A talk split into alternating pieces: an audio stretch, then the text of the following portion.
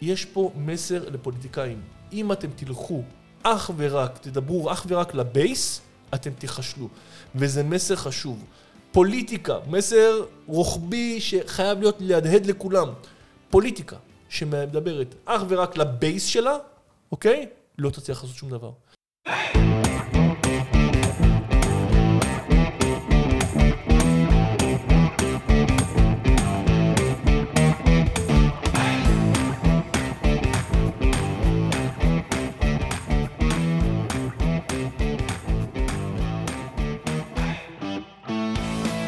שלום לכם, מאזינות ומאזינים, וברוכים הבאים לפרק חדש של בינוי בינוי. אה, ואחרי הפסקה קצת ארוכה, אנחנו נדבר היום על, ה...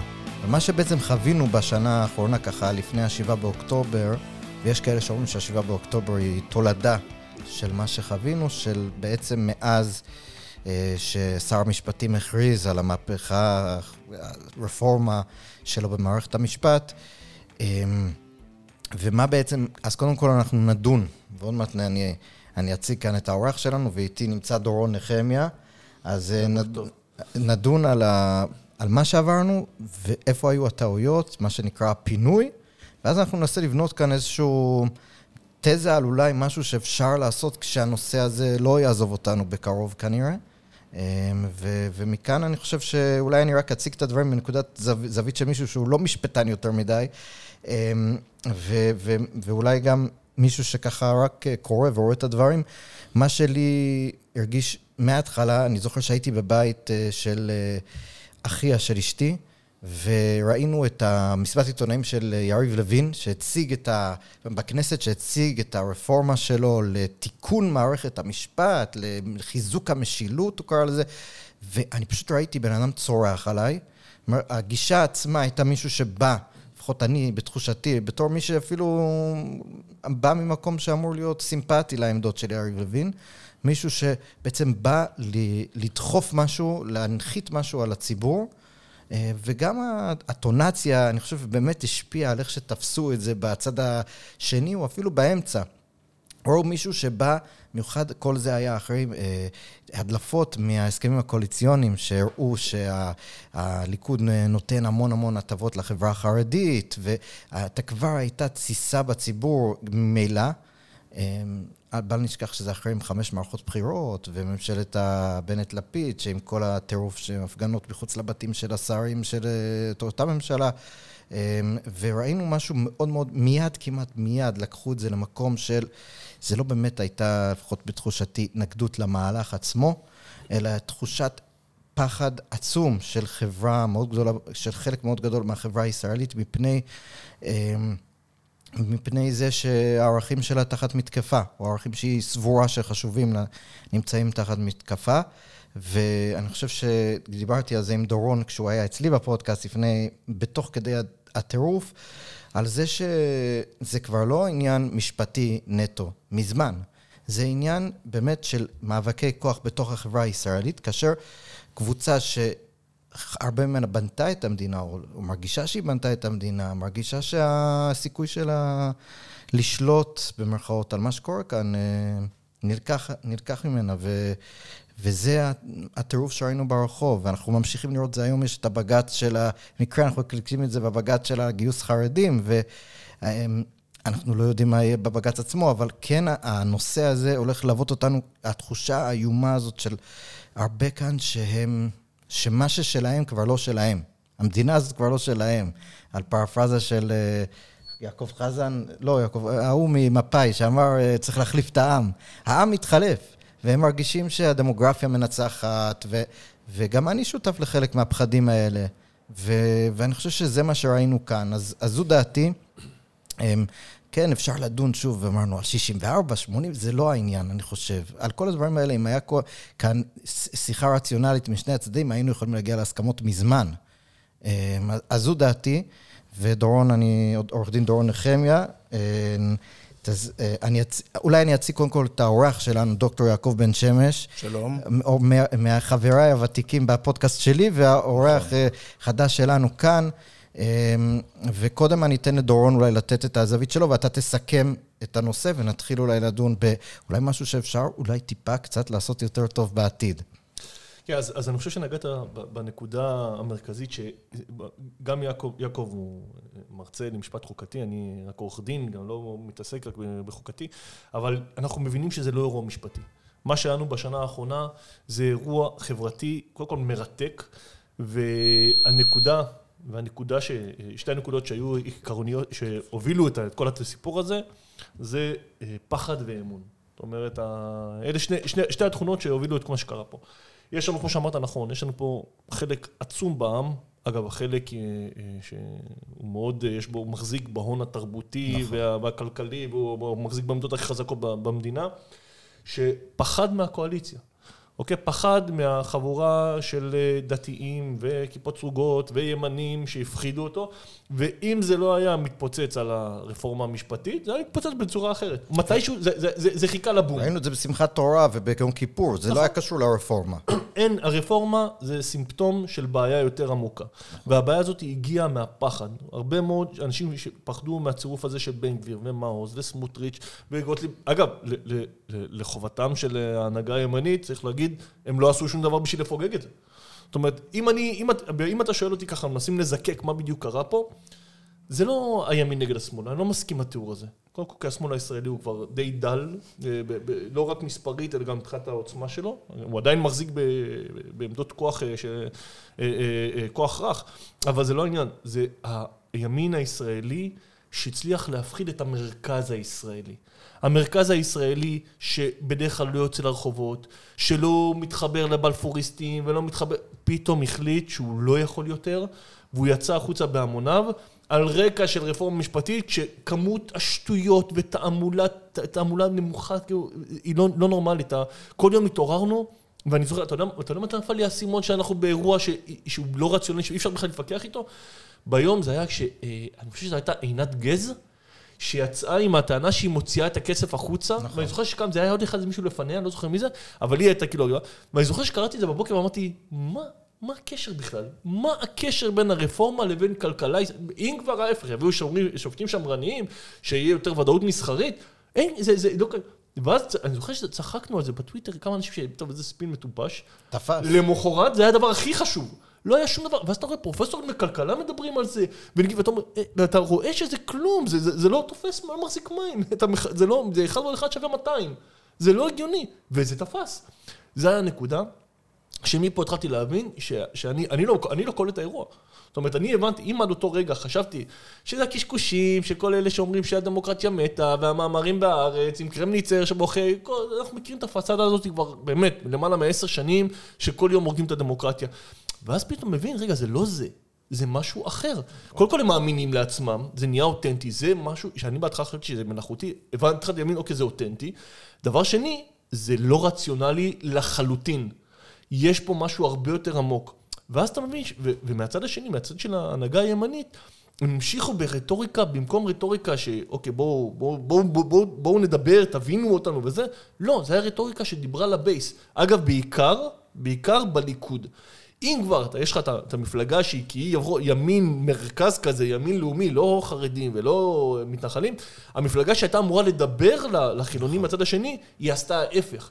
שם תקעו את האצבעות הרבה יותר חזק, עם הרטוריקה של אמסלם ושל גוטליב ושל לא חסר, כולם נכנסו והתחילו לתקוע אצבעות, וזה רק העמיק את הפחד, וזה הגיע למצב שהמרכז הישראלי אמר, אני לא מוכן לעשות שום דבר איתם. הרי מה הרפורמה הזו? לא רוצה, אנחנו לא ניכנס פה לפרטים של הרפורמה. הרפורמה אומרת משהו פשוט, יש יותר מדי כוח אה, בזרוע השיפוטית, בבית המשפט, בואו נחזיר קצת כוח לפרלמנט. נחזיר קצת כוח לממשלה ול, ולכנסת. זה מה שזה אומר בגדול. איך ומה, עזבו, זה בצד. אנחנו קצת מאזנים את הכוח.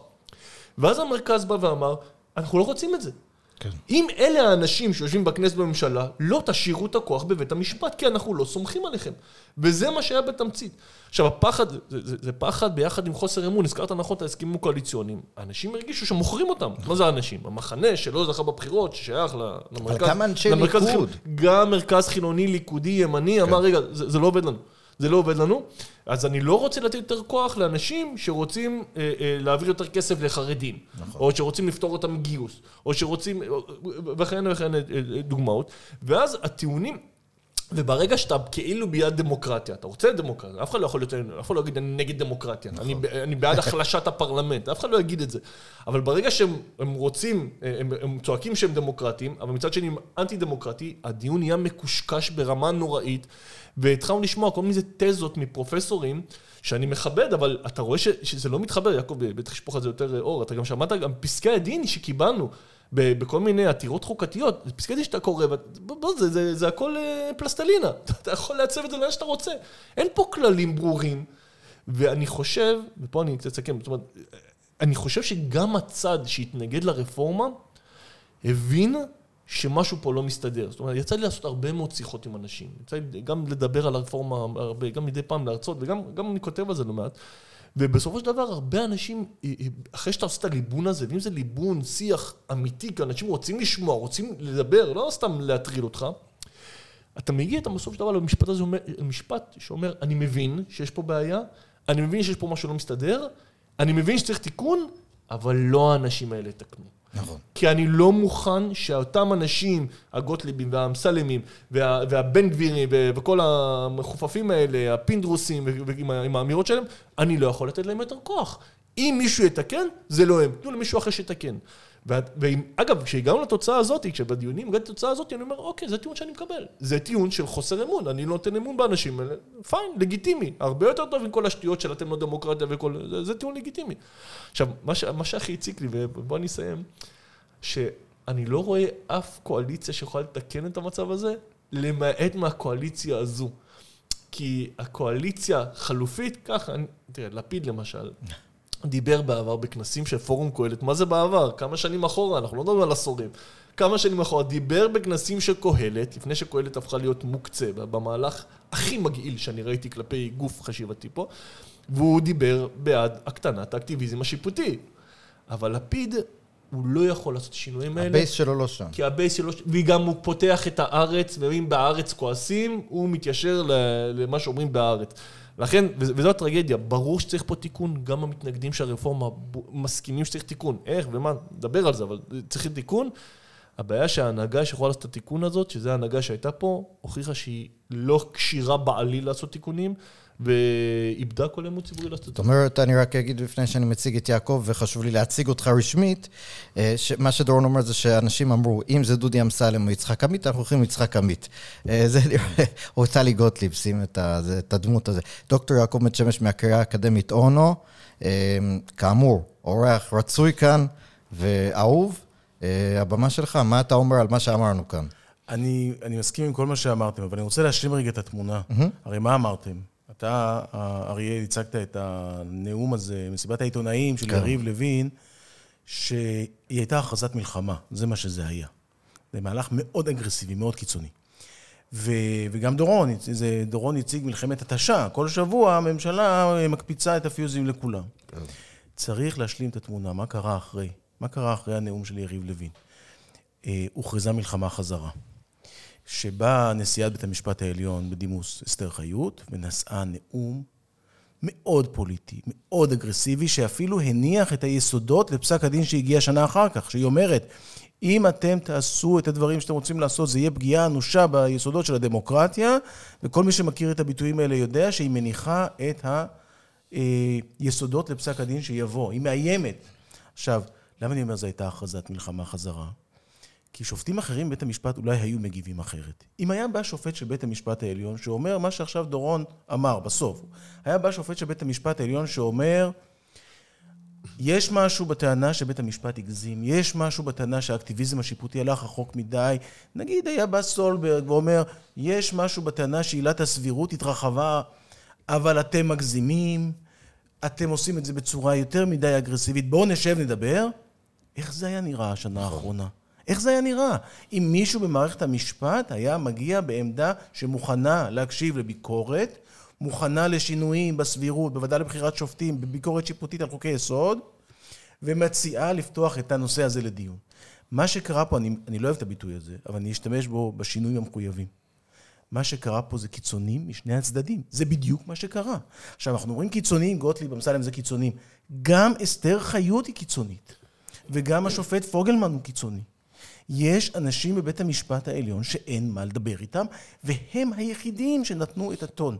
יש לי ביקורת רצינית מאוד על שופטי המיעוט. איפה הם היו כל הזמן הזה? שנה שלמה, לא שמעת כלום. כלום, אף אחד לא אמר. יש להם איזה אישור קו, סולברג, מינץ, חוץ מאלרון. אלרון, אבל גם אלרון, שהוא לא מיישר קו, הוא עשה את זה בצורה כבר כמעט פרובוקטיבית. כן. אה, מציג את מועמדותו לנשיאות בית המשפט. זאת אומרת, אם אתה רוצה, תציג איזו אלטרנטיבה רעיונית לקו המאוד נוקשה שבית המשפט העליון לוקח. עכשיו, שבאה הנשיאה חיות ואומרת, אנחנו נילחם חזרה. מה זה הכרזת המלחמה הזאת? יבואו הפרופסורים באקדמיה. יבואו הרופאים, יבואו ה... אה, אנשי עסקים. כל, כל האליטות, פתאום נהיה לך משהו שכבר זהו, עכשיו אי אפשר להתקדם. עכשיו כל מחנה הכריז מלחמה, הקיצונים נותנים את הטון. הדרך היחידה שאנחנו נוכל בסופו של דבר להתקדם, זה אם אנחנו איכשהו נצליח לנטרל את הקולות של הקיצוניים האלה. רק צריך לזכור שהקיצוניים האלה נמצאים לא רק במחוזות ה... לא רק בערוץ 14. אה, כן, רציתי להגיד, הערסים לא האלה, אפשר להיות כן. קיצוני ולהיות מאוד מאוד תרבותי, ומאוד מאוד נכון. מזנומס, ומאוד מאוד אשכנזי, ומאוד מאוד קיצוני. כן, בדיוק, הארץ. כן. ולכן, אני אומר, צריך לפקוח עיניים. מה שקרה פה, נכון, יריב לוין הכריז מלחמה. נכון, הם קיבלו מה שהם ביקשו, אבל זה בכלל לא מובן מאליו. בית המשפט העליון לא צריך להכריז מלחמה. בית המשפט העליון הוא לא פוליטיקאי, נכון. הוא לא צד במאבק הפוליטי. ואם בית המשפט הופך להיות בצורה כל כך בוטה, כמו שהוא הפך להיות בשנה האחרונה, עד פסק הדין בנושא הסבירות, שזה הגונג המצלצל של הנה, אנחנו פה ננהל את העניינים, אה, זה היה מהלך מאוד מאוד קשה. אני מדבר נכון. עכשיו כמשפטן, כי לי יש נקודת מבט יחסית צרה. אני מסתכל על עולם המשפט, אני מסתכל על המשפט החוקתי, אני מסתכל על בית המשפט העליון. מה שקרה בשנה האחרונה זה היה אסון. ולהגיד הם התחילו... זה לא עוזר. זה ילדים קטנים. כן. בכל הכבוד, זה ילדים קטנים. זה שהם התחילו זה יפה מאוד, אבל העבירו לכם את תיקון הסבירות. בואו תדונו בזה רגע בעיניים מפוקחות. אל תחשבו שתיקון הסבירות זה עכשיו באמת, כמו שאתם מספרים לנו, סוף הדמוקרטיה, כי אתם לא מאמינים בזה, וגם הציבור לא יאמין בזה. אתם מדברים לבייס, אתם מדברים לקיצוניים, אתם רוכבים על הפחד הזה שאתם הזכרתם, הפחד מהבבונים מה, אה, האלה שבאו לקחת לנו, לגנוב לנו את המדינה. ככה בית משפט לא צריך להתנהג. וזה המצב שאנחנו נמצאים בו כרגע. בית המשפט מאוד מאוד הקצין. גם בהתבטאויות, גם בפסקי הדין, וגם עכשיו בסמכויות שהוא לקח לעצמו. יעקב, אני יכול לשאול אותך שאלה על ההקשר הזה, שבמשך שנים אמרו לי לפחות, ואני לא משפטן שוב, לא למדתי משפטי, בית המשפט מדבר דרך פסקי הדין. פתאום ראינו אחרי הסיפור של לוין, ששופטים מתבטאים חופשי מחוץ לפסקי דין. אה, מצד אחד, כמו שאמרת, חיות... לא רק זה, לא רק זה, אריאל. כן. כשאומרים בית המשפט מתבטא, מתבטא בפסקי דין, יש לזה שני היבטים. אחד, אנחנו לא מתבטאים מחוץ לפסקי דין. בדיוק. וגם בפסקי הדין אנחנו לא מתבטאים מחוץ לפסקי הדין. פסקי הדין זה עניין משפטי. א' אומר ככה, ב' אומר ככה, החוק אומר ככה, אנחנו מפרשים ככה, גמרנו את הסיפור. פסקי דין זה לא אידיאולוגיה, זה לא מניפסט פוליטי. עכשיו, תקרא את פסקי הדין של השופטים בפרשת הסבירות. 800 עמודים. מה יש שם? אז אני אומר לך, כן. צריך לקרוא את זה, אה, אני יכול לכתוב על זה גם 800 עמודים. אמירות על גבול הדמגוגיה הפוליטית, שבן אדם כמו, מכובד, כמו שופט בית המשפט העליון, השופט גרוסקופ, שופטת חיות, כותבים, כותב גרוסקופ, ביטול תיקון עילת הסבירות, הופך את שלטון החוק לאסקופה נדרסת. אתה צוחק עלינו. זהו, נגמר, אם אין עילת סבירות, אין שלטון החוק, אין סמכות, אין ניגוד עניינים, אין אה, שיקולים זרים, אין פגיעה בזכויות, אין אפליה, אין... כלום, אין, נגמר, נגמר שלטון החוק. איש הישר בעיניו יעשה. או כשחיות, הנשיאה חיות, צריך לשים לב לזה, מה הפכו להיות פסקי הדין. השופטת הנשיאה חיות פותחת, היא כותבת את פסק הדין. זה פסק הדין שאמור להיכנס ל... פנתיאון. לפנתיאון. בדיוק. והיא פותחת ואומרת, מאז קום המדינה נהגה ביקורת שיפוטית על כל גופי השלטון ללא יוצא מן הכלל. וביולי 23 נפל דבר בישראל. עכשיו, בן אדם מהשורה קורא את זה, אומר, אוקיי, מה קרה ביולי 23? נגמרה הביקורת השיפוטית, או על כל גופי השלטון, או על חלק מגופי השלטון. כמות הדמגוגיה שיש בפסקה הזאת, אתה אומר לעצמך, בן אדם לא כתב פסק דין. ולכן כשאתה אומר, אנחנו מדברים מתוך פסקי דין, זה כבר לא פסק דין, זה נועד להפחיד את הציבור. להפחיד את הציבור. שופט לא אמור להשתמש בפסק הדין בשביל להפחיד את הציבור. כן. בהקשר זה- הזה... זה- האמת שהתהליך שיעקב מדבר, זה, אה, אנחנו תמיד מדברים על הפוליטיזציה של בית המשפט. והכי מצחיק אותי שאמרו, לא, הרפורמה תגרום לפוליטיזציה. אה, לא, המקום הזה פוליטי מאין כמוהו כבר עשרות שנים. הוועדה לבחירת שופטים היא הגוף הכי פוליטי במערכת המשפט, כי הבלוק, ש... וה- והגורם הכי פוליטי בוועדה לבחירת שופטים זה בלוק השופטים שבוחר אך ורק שופטים אחד. שמתאימים לאג'נדה האקטיביסטית שלו. אבל לא, זה כאילו, זה כאילו הם מקצועיים, זה, זה מצחיק אותי. וזה באמת מתאר, כאילו, אם עד עכשיו היה את הפוליטיקה במסווה, זאת אומרת, פוליטיקה תחת גלימת בית המשפט. פה הם הורידו את הגלימה, שמו את החולצות של הכדורגל, ועלו למגרש והתחילו להבקיע לשער. הבעיה שאף אחד לא משחק נגדם. כי, ופה זה משהו מעניין. כל פעם מדברים על כך שיש לנו הרי שלוש רשויות, נכון? יש פה שלוש רשויות, שתיים מכבדות את השלישית והשלישית לא מכבדת את שתי האחרות. הכנסת והממשלה מכבדות ברגיל, כאילו אתה לא תראי, למעט רטוריקה קיצונית, שולית של אנשים, הן מכבדות פסקי דין, בית המשפט לא מכבד את הכנסת ואת, הממשלה, ולמה הוא עושה את זה? וזו השאלה זה למה. כי האנשים שעושים, שיושבים שם, הם מרגישים שהם נהנים מהאמון של האנשים החזקים במדינה, והם צודקים. וגם בעצם- של העם, דרך אגב, לפי הסקרים, אני זוכר, בית המשפט, למרות שיש לו ירידה יחסית, הציבור... די- אני אגיד לך, ברגע...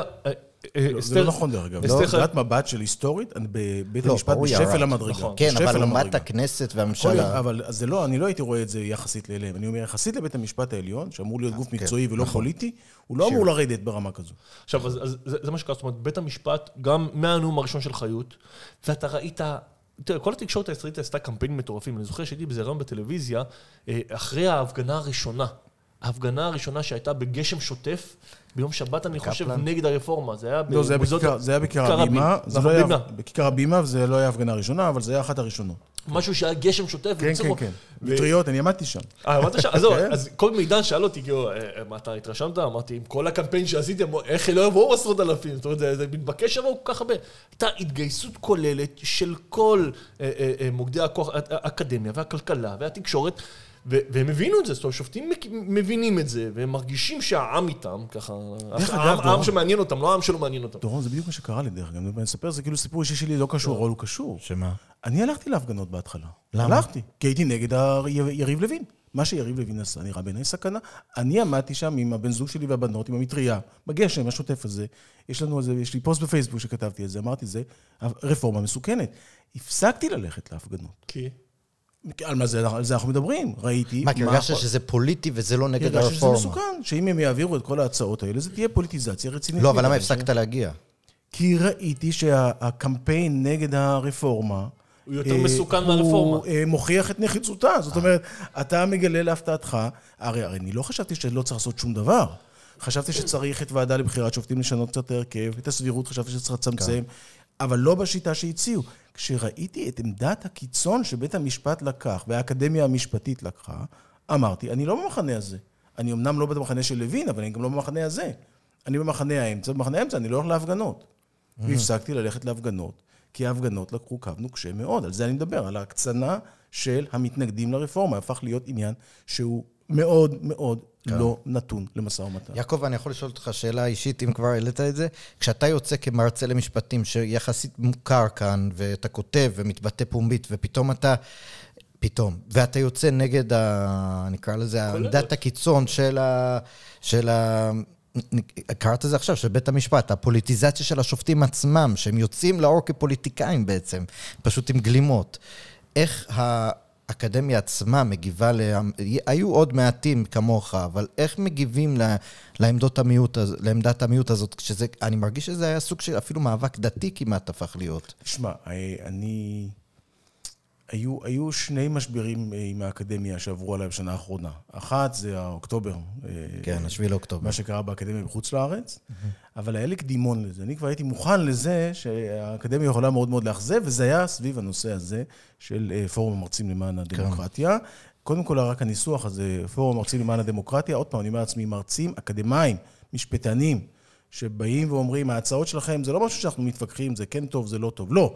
אתם הורסים את הדמוקרטיה ואנחנו שומרים על הדמוקרטיה. זו פוזיציה שאני חשבתי שהייתה טעות מלכתחילה. אבל אחר כך העמדות שהם הגישו, פעם אחר פעם, לכל הצעה, העמדה הכי קיצונית, הכי שוללת פשרה, כולל להגיש בקשה לבית המשפט להצטרף כחברים, כ- כידידי נכון. בית משפט, בתיק הסבירות, אה, לבקש מבית המשפט לבטל את, אה, את, אה, פסק. את אה, תיקון הסבירות, בנימוקים אפילו יותר גרועים בסוף מהנימוקים שבית המשפט השתמש בהם, שהם מאוד מאוד גרועים כשלעצמם. אז אני, אני לא יודע מה להגיד, זה מאוד מאכזב. מאוד מאכזב. איך הם מתייחסים אלינו? כן. אה, לא סופרים אותנו כל כך. אני אגיד לך, אה, אחד, שניים, שלושה, ארבעה. נכון. אני יכול לספור על אצבעות יד אחת. אתן לך אפילו שמות, רשימה. חסר ו- לי, אני מכיר שלושה. אתה, שפירא ומשה כהן אליהו. לא, גם גידי ו- ספיר. אה, אבל אה, גידי ספיר לא מדבר הרבה. רפי ביטון גם לא אה, מדבר. רפי ביטון גם לא מדבר הרבה. אני אומר לך, זה דברים. שאנחנו לעשות רשימה. כן. ומצד שני, יש לך 300 איש, שמהם 150-160 בפורום, וכל השאר יושבים בשקט.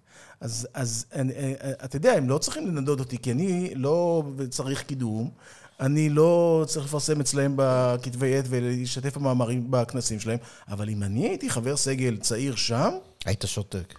בחיים לא הייתי פותח את הפה. מי היה מרשה לעצמו להרוס לעצמו את הקריירה בצורה כזאת? שלא תחשוב שזה שאני עובד במכללה למשל, ולא באוניברסיטה, זה משחרר אותי. נכון. כי אני לא צריך אותם בשביל הקריירה שלי, אוקיי? אבל אם אני הייתי שם והייתי צריך אותם בשביל הקריירה, אף אחד לא היה פותח את הפה. אז אתה רואה, בעיניים שלך אתה רואה, איך מקום שאמור להיות חופשי. פלורליסטי, מגוון. עכשיו, זה לא שאין טיעונים. זה לא שאתה אומר, היי, זה, זה סתם עמדה לא נכונה, שם זה פשוט האמת. לא, זו עמדה מאוד שנויה במחלוקת. רותי גביזון לא הייתה דמגוגית שרוצה פה רודנות מושחתת. יש טיעונים, והם לא עולים על השולחן. מי? משום שיש אידיאולוגיה אורתודוקסית שאסור לסטות ממנה, ויש את זה לא בבני ברק, באוניברסיטת תל אביב ובאוניברסיטה העברית. וזה זה אסון לאקדמיה. כן. זה, אז, אז אני אומר, איך הם מתייחסים אלינו? הם לא צריכים להתייחס אלינו. We don't count. אבל לנו יש משקל מסוים, כי אולי לא באקדמיה, בציבור אבל הרחב. בדיון הציבורי. כן. כי בדיון הציבורי, אתה כן צריך אנשים שמבינים בתחום, שיגידו לך, רגע, זה הכל, כולם אומרים ככה, אבל זה לא נכון, זה לא מדויק. ושיהיה לך איזשהו קרדיט שאתה אומר את זה מנקודת מבט מקצועית. אתה לא יריב לוין או אתה לא אמסלם, שגם הם יכולים להגיד מנקודת מבט מקצועית, אבל לא סומכים עליהם, אוקיי? עכשיו, אני באמת לא הצבעתי, אף פעם לא הצבעתי לאף מפלגה בימין. אף אחת מהמפלגות בקואליציה לא הצבעתי עליהן אף פעם, אוקיי? אה, סליחה, לא, עכשיו זה לא נכון. לגנץ הצבעתי. נכון. עכשיו, עכשיו, עכשיו צריך לעדכן את הזה. אבל אני אומר, אני לא מזוהה מבחינה פוליטית אה, במחנה הזה, ואני אומר, המחנה הזה פי אלף יותר צודק בשנה האחרונה מהמחנה שהצבעתי. אני יכול לשאול שאלה, דורון, בהקשר הזה, שאחד הדברים ששמעתי על ביקורות על ה... אם אתה רוצה, יעקב, להתייחס, פשוט אני שואל אותך כעורך דין שמגיע לבתי משפט, ואז אולי נגיע לבינוי, אבל זה, אני חשבתי על זה כשהייתי בשבועות האחרונים באיזה תהליך משפטי קטן שלי, מדברים הרבה על העומס בבתי המשפט. אמרו שהרפורמה, התייחס, לא, אם היו רוצים להיטיב עם הציבור, היו צריכים גם להכניס דברים, שיוריד את העומס, יוסיפו תקנים, ימנו יותר שופטים, ו- ולמה לא עשו את זה, והיה כאילו, ב- זה היה כזה what aboutism כזה, למה לא עשיתם גם את זה? אבל אני רוצה לשאול באופן אה, טכני, האם באמת... אה, האם זה לא טעות אולי בעיניך פוליטית, שהוא לא ניסה להכניס משהו כזה, גם לתקן את הדבר הזה, שהוא באמת כנראה מפריע להרבה מאוד אזרחים, כי מה שקרה הוא שהרבה מאוד אנשים בא... שלא משפטנים, שמגיעים לבתי משפט אל ימין ועל שמאל בכל מיני נושאים, אנחנו מחכים שש שעות מחוץ לדיון, השופט מביף עליהם מבט ומנפנף אותם, בהרבה מקרים, סליחה, זה עצוב להגיד, אבל זה קורה, שומע את הסיפורים האלה, אז הם הסתכלו, הם אמרו, לא דואגים שם על זה, והדמגוגיה השפיעה עליהם בהרבה מובנים. נוגע, אתה נוגע בנקודה כל כך חשובה, ואני רוצה לגעת בה, היה את הסיפור של יעקב האישי, איך הוא עבר כאילו, עשה איזה קרוס אני אספר בקצרה עליי. תראה, אני למדתי משפטים באוניברסיטת תל אביב. אוקיי, ב-2000, התחלתי ב-2003. הגעתי לשם בלי רקע פוליטי, לא הייתי משוייך פוליטית, לא בבית, לא פוליטי בכלל. אפילו מרכז כזה, מרכז שמאל. אם, אם יחפרו בדברים שפרסמתי בתור סטודנט, באיזה אה, כתב עת כזה, זה תסמונת סטוקהולם של מצביעי הימין. יש לי משהו כזה שבה כתבתי שמצביעי הימין לא רציונליים, הייתי בן 22, שנה, עם כל הממבו ג'מבו של החוג למדעי המדינה. ומה שקרה, ובמשך שלוש וחצי שנים שלמדתי בפקולטה למשפטים באוניברסיטת תל אביב, לא ידענו משהו אחר חוץ מברק. זה היה מדהים. זאת אומרת, כל החינוך המשפטי שלי, אני חושב שזה היה תקופת השיא שלו, זה אך ורק ברק. לא ידענו שיש גם חלופה. זאת אומרת, המשפט הישראלי, המשפט אליבא דה ברק, ככה עושים. היה לי אולי שיעור אחד עם מאוטנר, שבו הוא כתב בשנות החרדה שלו, שיעור אחד בתואר של שלושה, שלוש וחצי שנים, וזהו. בר אילן היה קצת יותר טוב, כי היה להם את גידי ספיר, אני יודע. אצלנו כלום. יצאתי מהאוניברסיטה, וגם יצאתי אפילו בתור, לא יודע איכשהו, בתור מצטיין, ידעתי רק את זה. רק ברק. ואז התחלתי לעבוד בתור ליטיגטור. אני כעורך דין, ישר ניהלתי, ניהלתי תיקים, ועשיתי הרבה מאוד בתי משפט. ומעבודת הרגליים שלי, תוך כדי שאני עובד, אני רואה שזה לא עובד. זאת אומרת, מה שאתה מתאר, החוויה של אנשים שמגיעים לבית המשפט ורואים שכל התזות המאוד יפות בניסויי מעבדה של אהרון ברק לא עובדות. זה יוצר הרבה מאוד בלאגן, זה יוצר בעיקר הרבה מאוד אי ודאות, ואני מוצא את עצמי, מוצא את עצמי יושב עם לקוח ואומר, תקשיב, אנחנו לא יודעים להגיד לך, עזוב אותי, גם, גם, גם דיברתי עם ליטיגטורים הרבה יותר בכירים ממני. אתה לא יודע להגיד ללקוח, יש לך סט של נסיבות, יש לך חוק. אמור, זה לא, אומנם לא מתמטיקה, אבל אמור להיות לך דרך. אתה לא יודע לאן זה ילך. למה? כי, אם, כי מה זה האקטיביזם השיפוטי במשפט האזרחי? אנחנו לא מדברים על זה, אתה נגעת הנקודה הכי חשובה. אנחנו מדברים על אקטיביזם שיפוטי תמיד במובן החוקתי או המינהלי. מה שזה הכי מפריע לאנשים זה מה קורה להם כשהוא רוצה לפנות סוחר מהדירה, וכשיש לו צ'ק שהוא רוצה לפרוע ולא משלמים לו, וכשמישהו עשה לו נזק. שם הוא פוגש את מערכת המשפט בעיקר. ואנחנו לא מדברים על האקטיביזם שם, כי מה שאהרון ברק עשה במובן האזרחי, זה חרבו דרבו. כל והוא נגע בכל תחום אפשרי בבית משפט. שטרות, צוואות, חוזים, נזיקין. אין תחום משפטי שאהרון בי ברק לא, לא נגע בו, מתוך אג'נדה מסוימת, שהוא אגב, אגב, הוא חשב שזה יהיה טוב, אבל זה, זה, זה, מה שהוא עשה. והוא הכניס בעיקר אי ודאות מטורפת. ואז הגעתי למצב, אני זוכר את הרגע הזה ש, שעמדתי בבית משפט, והשופט אומר לי, באיזה תיק, אומר לי, תשמע, עורך דין נחמיה, אני אני חושב שאני יודע מה התוצאה, ואני אגיע אליה, אתה יודע, זה לא משנה, אני יכול להגיע אליה. ואפילו לא התפלאתי, היה עורך דין צעיר איתי, והוא אמר, איך הוא אומר, מה אתה מתפלא? ככה זה עובד, הוא פשוט מספיק הגון להודות בזה. וזה השלב שאחרי כמה שנים שהבנתי שזה לא עובד. ואז, הודות לרשתות, נחשפתי סוף סוף לדעות חלופיות. קראתי דניאל פרידמן עם הרק ואחר, והבנתי שמה שאני חווה, את החוסר אה, אה, רציונליות משפטית הזאת ואת השרירותיות, מה שאני חווה באזרחי, זה מה שקורה בחוקתי. ושם התחלתי את המעבר שלי לכיוון שמרנות. עוד פעם, זה לטובת הציבור, עזבו אתכם רגע חרדים וזה, זה פשוט לא תופס מים. אז כשאתה שואל אותי, כשיריב לוין, למה הוא לא עשה מה שישפר את השירות לאזרחים? הרעיון היה בכלל להשית את הספינה הזאת מהכיוון האקטיביזי המופרע שהיא הלכה אליו, היא הלכה מכיוון עוד יותר חריג קיצון בשנה האחרונה, לכיוון יותר שמרני. כש, כי שמרנות זה לא חבר'ה עם כיפות מפורום קהלת שלא נותנים להומואים להיכנס לבתי מלון. לא, שמרנות זה אומר, חבר'ה, יש כללים, אנחנו עובדים עם הכללים כדי שיהיה ודאות לכולם. יכול להיות שכתוצאה מהכללים האלה יהיו אנשים שזה יראה לא צודק. יכול להיות לפעמים לא צודק, אבל ב-all in all הרוב ייהנו מזה, כי, כי אני יודע, תיק היום בבית משפט, תיק פשוט בבית משפט, שיכול להסתיים תוך שבועיים, יכול להסתיים ברגע שהצד השני מבין, אוקיי, זה הכללים, אין לי מה ללכת לבית משפט. נכון? לא. היום מישהו שמשל ביטל צ'ק, אוקיי? ביטל צ'ק, פעם היית מבטל צ'ק, היית צריך לשלם אותו קודם, כי צ'ק היה כמו מזומן, רק דחוי. היית משלם אותו קודם, ואחר כך מתווכח. צ'ק, זה אמצעי תשלום בטוח. סיפור אמיתי מה שאומר שם. אהרון ברק בפסק דין בעליון, פסק דין של שורה וחצי, נשבע לכם, צמח נגד שלשבסקי זה דיון נוסף מ-1999. ב obit, obiter, פסק דין לא היה צריך, בכלל לא היה צריך לתת פסק דין, כי הצדדים הגיעו לפשרה באולם בית המשפט. הוא אמר לדעתי, צריך להפעיל את חוקי האחוזים, אני גם מצטט, צריך להפעיל את חוקי האחוזים על צ'קים. צ'ק זה חוזה. מהרגע שהוא אמר את זה, בשורה וחצי, בהלכת, באמירת אגב, נגמר, אין יותר צ'קים. צ'קים זה כמו חוזה רגיל.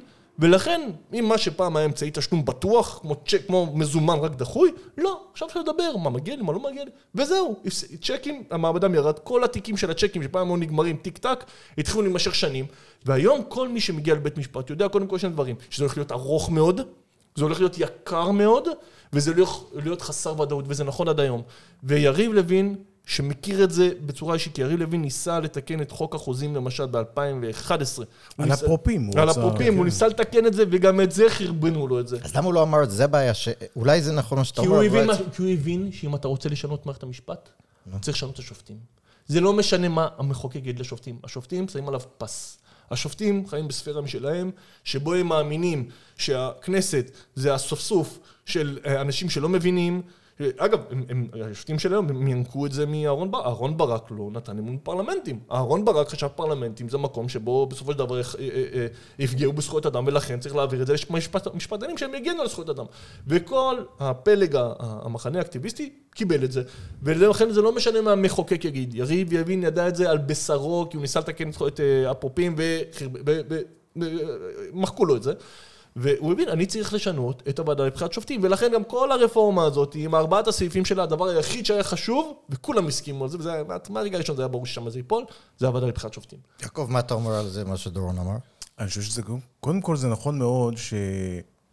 זה what aboutism, מה שאתה אמרת. זאת אומרת, יכול להיות שיש עוד בעיות במערכת המשפט. כן. ויכול להיות שהיה צריך גם לעשות עוד דברים, אה, בשביל למשל לפתור סחבת ועינוי דין וכולי. אה, ואני אפילו לא נכנס כרגע לנקודה המאוד מאוד חשובה של דורון, שיש קשר בין האקטיביזם השיפוטי לבין הריבוי דיונים, אבל אפילו אם אין קשר, האקטיביזם השיפוטי הוא, הוא מספיק דחוף, הוא מספיק דחוף. האם צריך לתקן את זה? צריך לתקן את זה. זה שיש עוד בעיות אחרות, בסדר. כן. אז אה, האם ככה היה צריך לתקן את זה? אנחנו כבר אמרנו, לא, ככה לא היה צריך לתקן את זה. אבל אני כן רוצה להוסיף משהו חשוב, כי מה שדורון אמר חידד את זה. לבית המשפט העליון, לא רק שאין כבוד לפרלמנט, אין לו כבוד לחוק. בית המשפט העליון מתייחס לחוק כהמלצה. אם החוק במקרה יוביל את השופט למסקנה שמתאימה לו מראש, בסדר, אז נלך לפי החוק. אם לא, לא. עכשיו, אנחנו רואים את זה בהגירה, מה שקורה עכשיו בבית המשפט המחוזי בתל אביב עם השופט מיכל, כן. מיכל אגמון. אנחנו רואים את זה בחוזים, אנחנו רואים את זה בדיני משפחה, בכל תחום. עכשיו, אני לא יודע להגיד לך שהחוסר כבוד ללשון החוק והלפתוח כל נושא לשיקולי צדק של בעיני בית המשפט העליון, אין ספק שזה מעודד סכסוכים. אין ספק שזה מעודד אה, אה, אה, אה, ריבוי הליכים. עכשיו, אני צריך גם להגיד עוד פעם, להיות למען ההגינות. אני יכול להסתכל על פסקי דין שבית המשפט מתעלם מלשון החוק ולהגיד, יופי, אני שמח. כשכתוב בלשון החוק, לא יהיה אימוץ אלא על ידי גבר ואשתו, ובא בית המשפט העליון ואומר, גבר ואשתו כולל גם בני זוג מאותו מין, זה לצפצף על החוק. ואני אומר לעצמי, יופי, יופי כן. שצפצפו על החוק. אז אני צריך להיות הגון, אני לא יכול להכחיש את העובדה שמנקודת מבט של ערכים ליברליים, לפעמים, הפרשנות היצירתית של בית המשפט העליון, לטובתך, הובילה למקומות שאני שמח עליהם. והאמת ששאלו את uh, אמיר אוחנה, את אותה שאלה, שהוא יצא נגד האקטיביזם, נכון. בזכות האקטיביזם השיפוטי, אתה יכול, יש לך ילדים, יש לך משפחה וכולי. ואז הוא אמר, ואני מסכים איתו, אפשר להסכים עם אקטיביזם שיפוטי בעניינים של זכויות אדם חשובות מסוימות, למשל, ולא להסכים לאקטיביזם שיפוטי בכל שאר התחומים, למשל בענייני מינויים בממשלה, למשל בממשלה, האם, האם עכשיו בית המשפט צריך להיות מעורב בשאלות כמו גיוס חרדים לצבא, ואפשר גם להסכים לזה שהכל יושב טוב מאוד עם שופטים שמרנים. זאת אומרת, אפשר לעשות שינוי בוועדה לבחירת שופטים, אפשר להביא שופטים שיהיה יותר כבוד לחוק. יכול להיות שלקחנו את כל הסיפור של לצפצף על לשון החוק, רחוק מדי, וצריך תיקון. זה לא אומר עכשיו שנחזיר את העולם לרק כתוב גבר ואשתו, אז יהיה רק גבר ואשתו. אבל כן, נחזיר את העולם למצב שלחוק יש יותר כבוד, יש יותר מקום, ואפשר להגיד לבן אדם, חביבי, זה החוק, אל תלך לבית משפט, ובזה לגמור את הסיפור. דרך אגב, גם בארצות הברית, אני חושב אפשר להגיד שפסק דין אוברפלד, אם אני לא טועה, על ה... אוברגפל, על נישואים של בני זוג מאותו כן, הם גם, אה, זה נראה לי ברור מאליו שהם לקחו אקטיביזם שיפוטי לעומת ה... זה, זה, זה ברור שהחוקה לא, לא התכוונה לבני זוג מאותו מין בהכרח, וברור גם שהפדרליזם היה אמור לתת את זה למדינות ולא לזה, אבל אה, בסדר. אבל אם אתה כבר מזכיר את ארצות הברית, הרי מה אנחנו רואים עכשיו בארצות הברית? אנחנו רואים את ה-Backlash. נכון. הלכו כל כך רחוק, שבאו וביטלו להם את הזכות להפלות ברוב וי וייד. זאת אומרת, מי היה מעלה על דעתו בכלל דבר כזה? וזה הרי מביא עכשיו לבלגן נורא בכל כן. ארצות הברית בנושא הזה. למה? כי לקחו את הנושא הזה של הזכות הפרטיות, והרחיבו, והזכות לשיב, והרחיבו, והרחיבו, והרחיבו. וכולם אמרו להם שזה יקרה בסוף. כולם אמרו להם, נכון. זה פסק דין לקוי, זה לא לפי... סקאלי אמר את זה ב-2000... בסוף יבטלו לכם את כן, זה. כן, גם מהפכה. בסדר גמור לעשות שינויים, אבל אתה לא, יכול, אתה לא לבד. נכון. ואם אתה תצפצף על הקולות המתנגדים, בסוף הם יקומו עליך. אז גם מהפכות צריך לעשות בקצב שהציבור יכול איכשהו... לעכל את זה גם. לעכל. האמת שזה מדהים שאתה אומר את זה בהקשר של בית המשפט העליון האקטיביסטי בארצות הברית, שהם צפצפו על קורות המתנגדים, כי זה המשפט הזה שאמרת עכשיו, זה copy paste אלינו, רק הפוך, על מה שקרה פה בשנה האחרונה. בדיוק. כן. שאתה לא יכול, שאתה, אתה בדיוק. לא יכול לצפצף ואתה לא יכול, וזה מה שקרה. לדעתי, בג"ץ הסבירות, זה קו פרשת המים. זה הבג"ץ שאני חושב שאנשים כמוני, שהיו, היה להם כבוד אה, והתייחסו ברצינות לבית המשפט העליון, אומרים, זה נגמר. אני לא בטוח, כי בג"ץ הסבירות, בדיוק כמו פסק דין מזרחי, הוא בא לעולם בימים שאף אחד אין לו קשב לזה. אבל בנק הימ- מזרחי היה אחרי רבין, ועכשיו אנחנו במלחמה. אתה צודק, אבל הימים האלה יעברו. נכון. בעזרת השם. וברגע שהמודעות קיימת, אני יודע מה קורה בדיוק איתי. אני יושב ומחכה בסבלנות. אני לא פותח את הפה נכון. וכותב מה ש... זאת אומרת, כתבתי עכשיו ושלחתי, ועד שזה יתפרסם ייקח עוד כמה חודשים. אבל זה, זה לא, אנחנו לא נשכח את פסק הדין הזה, ואנחנו לא נשכח את ההנמקה העקומה שלו, ולא נשכח את זה שהוא ניתן על רוב- על חודו של קול, ושהוא ניתן בזמן מלחמה. אף אחד לא ישכח את זה. אז כשה... כשהעניינים יחזרו אה, במהרה, אני מקווה, לשגרה, והמריבות יחזרו לשגרה, את פסק הדין הזה אנחנו, אנחנו, אנחנו לא נשכח. אני רוצה את ה- את הלא נשכח הזה לקחת, אתה מדבר על הלא נשכח בשדה המשפטי, האקדמי. כן. ואני מסכים איתך. אני רוצה לקחת את הלא נשכח הזה לשדה הציבורי. כי אני עד עכשיו, אני, יש לי המון ביקורת על ההנהגה הימנית. המון ביקורת, כי אני חושב שהיא עשינו על זה אחראית- פרק איתך עשינו פה. פרק, היא אחראית לפי- לפיאסקו הזאת, אי אפשר לנקות אותה מאחריות, ובטח למה שקורה גם אה, עכשיו, היא הממשלה, היא אחראית. אה, אה, הלא נשכח, ואני מדבר את זה עכשיו בתור מי שחשוף הרבה גם לרגשות בימין. התחושה של ציבור ימני, הרי איפה, איפה נולד הרפורמה הזאת? נולדה בהתנתקות. שם הבין הציבור הימני שכל הכבוד לו שהוא אה, בצבא בזה, זה לא עוזר, אתה צריך לתפוס עמדות הכוח משפטיות. שם אתה, הם הרגישו שזה לא משנה מה הם מחליטים, בית משפט, כאילו, מחליטים מעל הראש שלהם. וזה זה הסנטימנט שליווה אותנו גם בתוך הרפורמה, שאנחנו חייבים לשנות את חוקי המשחק. ו, אה, ועכשיו, כשבאו וברוב של 64 מנדטים רוצים לעשות רפורמה שאפשר להתווכח עליה אני אומר, אפשר להתווכח 64, 65, whatever, אבל אומרים לא, לא תעשו שום רפורמה, כי אתם הורגים את הדמוקרטיה, אז הימנים אומרים, רגע, אז, אז מה, מה שווה מה שעשיתי? מבחינתי זו הייתה ספינת הדגל שלי, היה לי חשוב לעשות את התיקון הזה, ואני מבין אותם. ובאו כל מיני אחים לנשק, כל מיני אנשים כאלה, ואמרו שהתוצאה של זה, שלא רק שהקושי לא נחשב, הלכו לי על הראש, ואם רציתי לאזן, להביא יותר כוח לפרלמנט, העבירו עוד יותר כוח לבית המשפט. זאת אומרת, תוצאה של כל הסיפור שהשנה המטורפת הזאת, שלא רק שהבחירה שלי בקלפי לא נחשבה, אלא עשו הפוך ממה שרציתי. והם אומרים, רגע, זה אני לא יכול לשכוח. מה שאתה אומר בשדה המשפטי, הימנים אומרים, אה, וזה מה שאני הכי מפחד. הימנים אומרים, מה היה שווה מה שעשיתי? למה לי בכלל, אחד, להשתתף בצדה הדמוקרטי, שתיים, להקשיב למוסדות הדמוקרטיים, כאשר אני, הדעה הדמוקרטית לא נחשבת, ועוד אומרים לי שאני אנטי דמוקרטי. אני פעלתי לפי כל הכללים. הקמתי קואליציה, העברתי הצעות חוק, הכל לפי הספר. לא, ואז באו ועשו, והוציאו לי איזה ג'וקר. לא, הכנסת, הכנסת לא קובעת כלום, בית המשפט קובע. אז, אז מה הטעם? ואני מפחד, אתה דיברת על ה-Backlash בארצות הברית. ואני מאוד מפחד, מאוד מפחד מה-Backlash בישראל. ואני חושב שהשנה האחרונה, ואנחנו אולי נעבור פה על חלק של, הפינוי, של הבינוי. כן. זאת אומרת, מה, מה, מה למדנו? זאת אומרת, נו, אז תתחיל. המשפט, המשפט שאמרת, זה מדהים, שמעתי אותך, אמרתי, זה אחד לאחד, אם היית יכול לחזור לזה עכשיו. אנחנו, השנה האחרונה, הנהגת הימין הישראלי הבינה, או הימין הישראלי בכלל, הבין שמנדטים זה לא חזות הכל. זה שיש לך את הכוח, אתה לא יכול לעשות שינויים גדולים בלי שיחה, לא אומר הסכמה, שיחה ולכבד את הצד השני. כי מה שההנהגה הימנית בעניין הרפורמה לא עשתה בשנה האחרונה, זה להקשיב לצד השני, לדבר היא כן ניסתה, אני לא יכול להגיד שהיא ניסתה לדבר. שמחה רוטמן, כמה, שירדו עליו וכמה זה, והמון הבל, כאילו, אמרו שטויות, הוא באמת ניסה לדבר, הוא הגיע וזה, אבל זה לא עבד. אה, למה? כי היה שם גורמים בקואליציה הזאת, במיוחד הגורמים במפלגה החילונית הגדולה, שלא באו לדבר, אלא באו לדחוף אצבעות וללעוג ולצחוק, והם הרסו הכל. גם אם היית מנסה לדבר שנתיים, לא היה עוזר. יש לך גורמים... אבל צריך להגיד, דרך אגב, דורון, גם מה שיעקב אמר, שגם בצד השני לא רצו לדבר בכלל. זאת אומרת, היה לך, אמרת קיצונים של פעם, זה לא רק קיצונים, אבל זה אריאל- קיצונים אטומים. אריאל, שים לב, אני לא... זה חלק קיצוני. החבר'ה של השמאל, החבר'ה של השמאל הישראלי, או השמאל המשפטי, מה זה השמאל המשפטי? זה אנשים שיש להם אג'נדה של זכויות אדם, ולא כן. אכפת לך מה החוק אומר, אנחנו רוצים זכויות אדם. כן. אוקיי? איתם אין מה לדבר. אתה הפסדת את זה. נדבר על המיינסטרים. על המיינסטרים, על המרכז. אתה ברגע שאתה איבדת את המרכז, והם לא מוכנים, לא, עזוב, הסכימו איתך.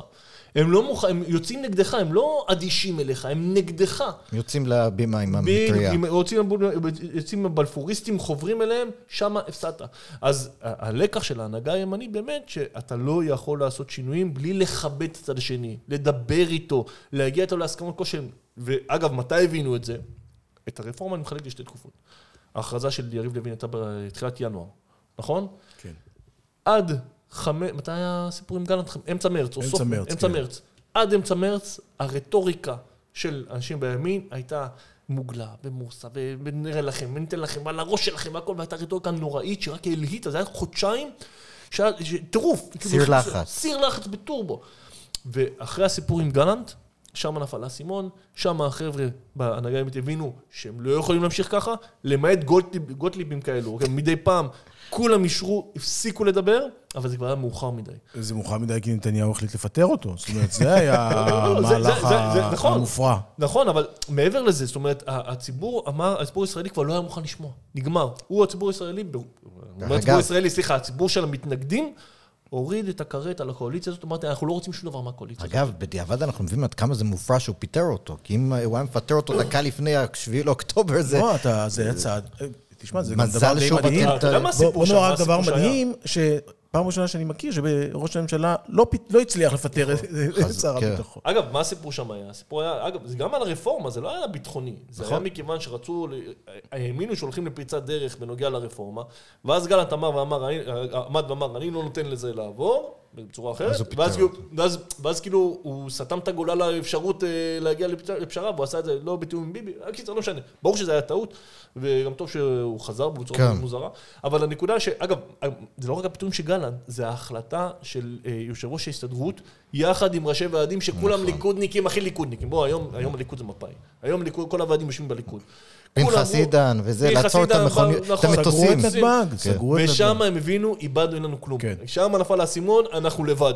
אה, ה- ה- הציבור שאמור להיות איתנו, כן, אורי בן דוד הוא לא איש שמאל, הוא אופורטוניסט. הבינו לא- שהציבור לא איתם, ושם נחתך.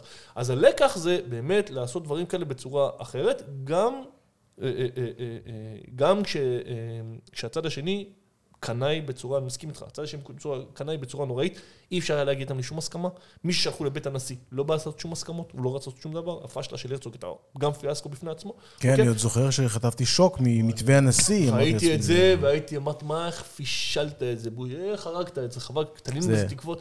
אז, אז זה, זה לפחות הבינוי. עכשיו, איך אתה עושה את זה, איך אתה, איך אתה מצליח לדבר, אתה בוחר, וזה, אגב, דיברנו קודם, מה הסיבות, הממשלה הזאת נכשלה בגלל שההון האנושי שלה היה נוראי.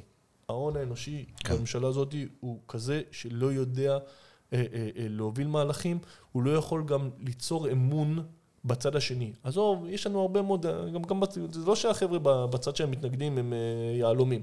בסדר, אני לא חושב שזה אנשים מדהימים, ממש לא. אבל הם לא יוצרים אנטיגוניזם בצורה שהחבר'ה בקואליציה הזאת הצליחו ליצור. אפילו בן גביר, הסיפור של בן גביר זה משקף את זה. בן גביר ניסה, אה, הגיע להישג שלו עם הרבה קולות של חילונים. נכון. אני זוכר שראיתי אנשים בדרום ובעומר וכאלו שאומרים בוא, בוא ניתן לו את ההזדמנות, יש לנו בעיה של פשיעה, הוא יעשה פה סדר והכל. אנשים, אנשים כאילו לא, לא ימנים בכלל, בוא ניתן לו את ההזדמנות. והוא פישל את זה כי הוא בחר ללכת למקום של לדחוף אצבעות לעיניים, עם בר הסדתים פתוח וכל הדברים השטויות האלה. ואז אתה רואה שזה אנשים שהם הם לא יודעים אה, אה, אה, לפעול בצורה מעבר, מעבר לאנטי, נגד. זאת אומרת, קשה להם, כאילו נשארו באופוזיציה. הם לא עשו את הטרנזישן לקואליציה. והלקח שלי, זאת אומרת, הלקח הוא יותר, הוא יותר. לפוליטיקאים, הוא לפוליטיקאים להחליף את הבאים. הפוליטיקאים. לא, לא רק זה. יש פה מסר לפוליטיקאים. אם אתם תלכו אך ורק, תדברו אך ורק לבייס, אתם תיכשלו. וזה מסר חשוב.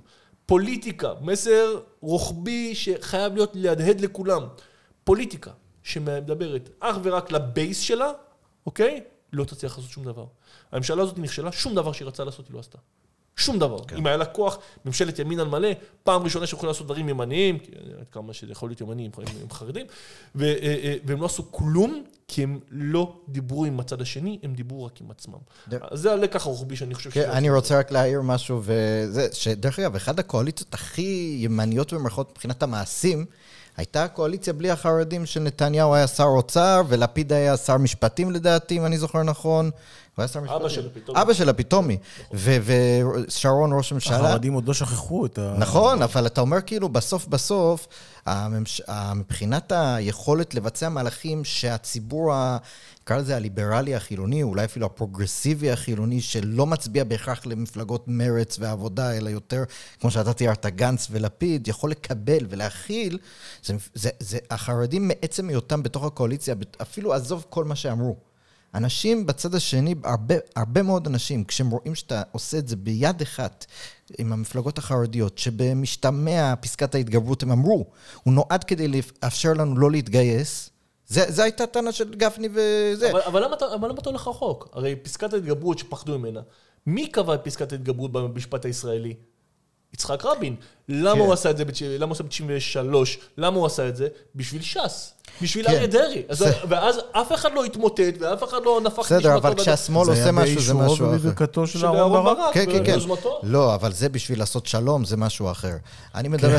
לא, באמת, נכון. כאילו, זה הגישה היא אחרת, אבל פה יש לך גם ימין, שזה גם ביבי שהוא סדין אדום בפני, אנחנו חמש מערכות בחירות, עוד לפני הסיפור הזה, שבו כל המערכות בחירות הן בעיניי מוצדקות, שאנשים לא רוצים לשבת, בעיניי חלקית מוצדק, כי אנשים מאוד חששו מלשבת, לא רוצים לשבת עם נתניהו. אז גם הוא וגם המפלגות החרדיות, שבמשתמע אומרות, אנחנו רוצים את הפסקת התגברות כדי להתגבר על בג"ץ כדי שלא נתגייס לצבא. זה, זה דבר שהוא, אתה יודע, אתה רוצה לעשות אה, רפורמה... באווירה של היום, כן. זה לא, היום, אחרי השביעי לאוקטובר, זה בלתי אפשרי. בלתי אפשרי. כן, אבל תבין משהו אבל שוב, שימו לב, זה העניין. כן. זה שזה לא יעבור היום, זה לא בגלל בג"ץ. ברור, זה, זה בגלל, בגלל מה שקרה. ברור. וככה צריך להיות. נכון, נכון. אני מסכים, אבל חשוב לי גם להגיד משהו פשוט, אז, אה, וגם, יעקב, אני בטוח שתסכים איתי. כשאתה רוצה לבצע מהלכים לטובת שיפור וייעול מערכת המשפט למקום נניח יותר שמרני כמו שתיארת, וכשהנציג, השותפים שבלעדיהם אתה לא יכול להעביר את זה, אומרים, אנחנו רוצים את זה לא בשביל לשפר את מערכת המשפט, לא בשביל להפוך אותה ליותר שמרנית, כדי שנוכל, שאתם תתגייסו ואנחנו לא נתגייס. שזה דה טרה שלך, כשזה הסיבה ש... הרי בסוף זה לא יכול לעבור בלעדיהם. שאומרים, זה, זה הסיבה, גרוע. זה לא רק נראה גרוע, זה נראה כאילו הם יורקים עליך ומשתינים אליך מהשמיים ואתה חושב שזה גשם.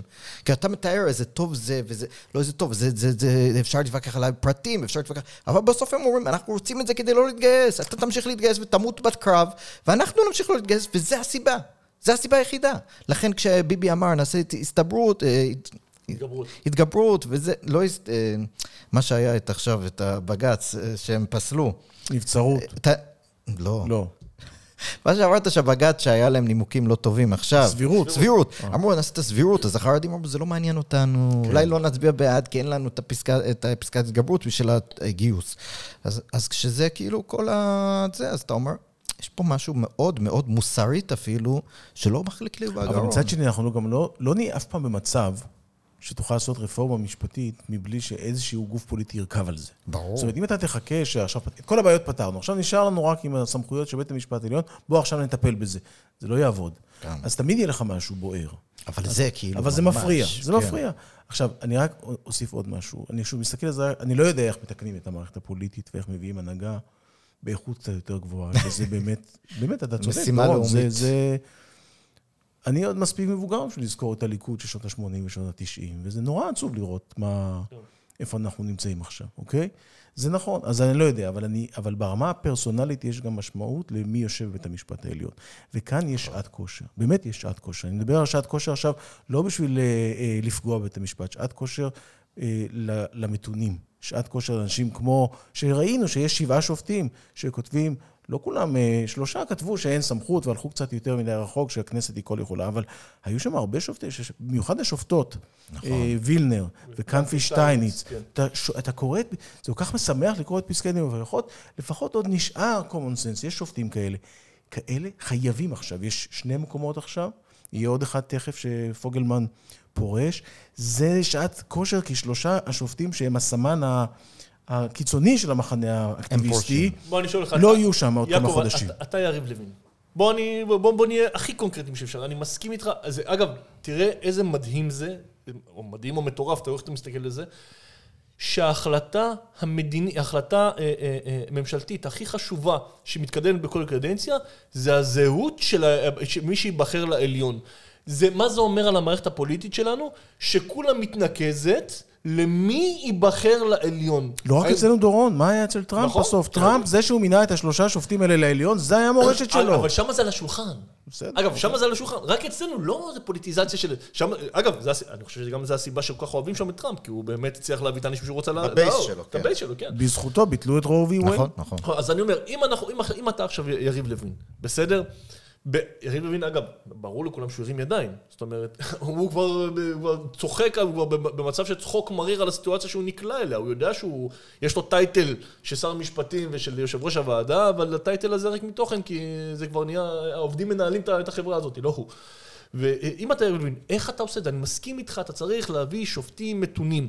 אבל מצד אחד, כל שופט, קודם כל שופט עם כיפה יהרגו לך. כל החבר'ה של פורום המרצים והארץ כן. וזה, יתקו- זה ו- על השולחן. ושיק- ושקמה ברסטר, מה פתאום, והביאו שהוא היה פעם, הוא אמר משהו כזה, יהרגו אותו. בסדר, איך אתה, אתה בסיטואציה שאתה לא יכול להביא מינוי סביר. אתה צריך לקחת בחשבון דבר אחד. שוב, זה ידרוש... אתה צודק, אני לא יודע, זה, זה באמת עניין של איך הוא מנהל שם את המשא ומתן בוועדה לבחירת שופטים.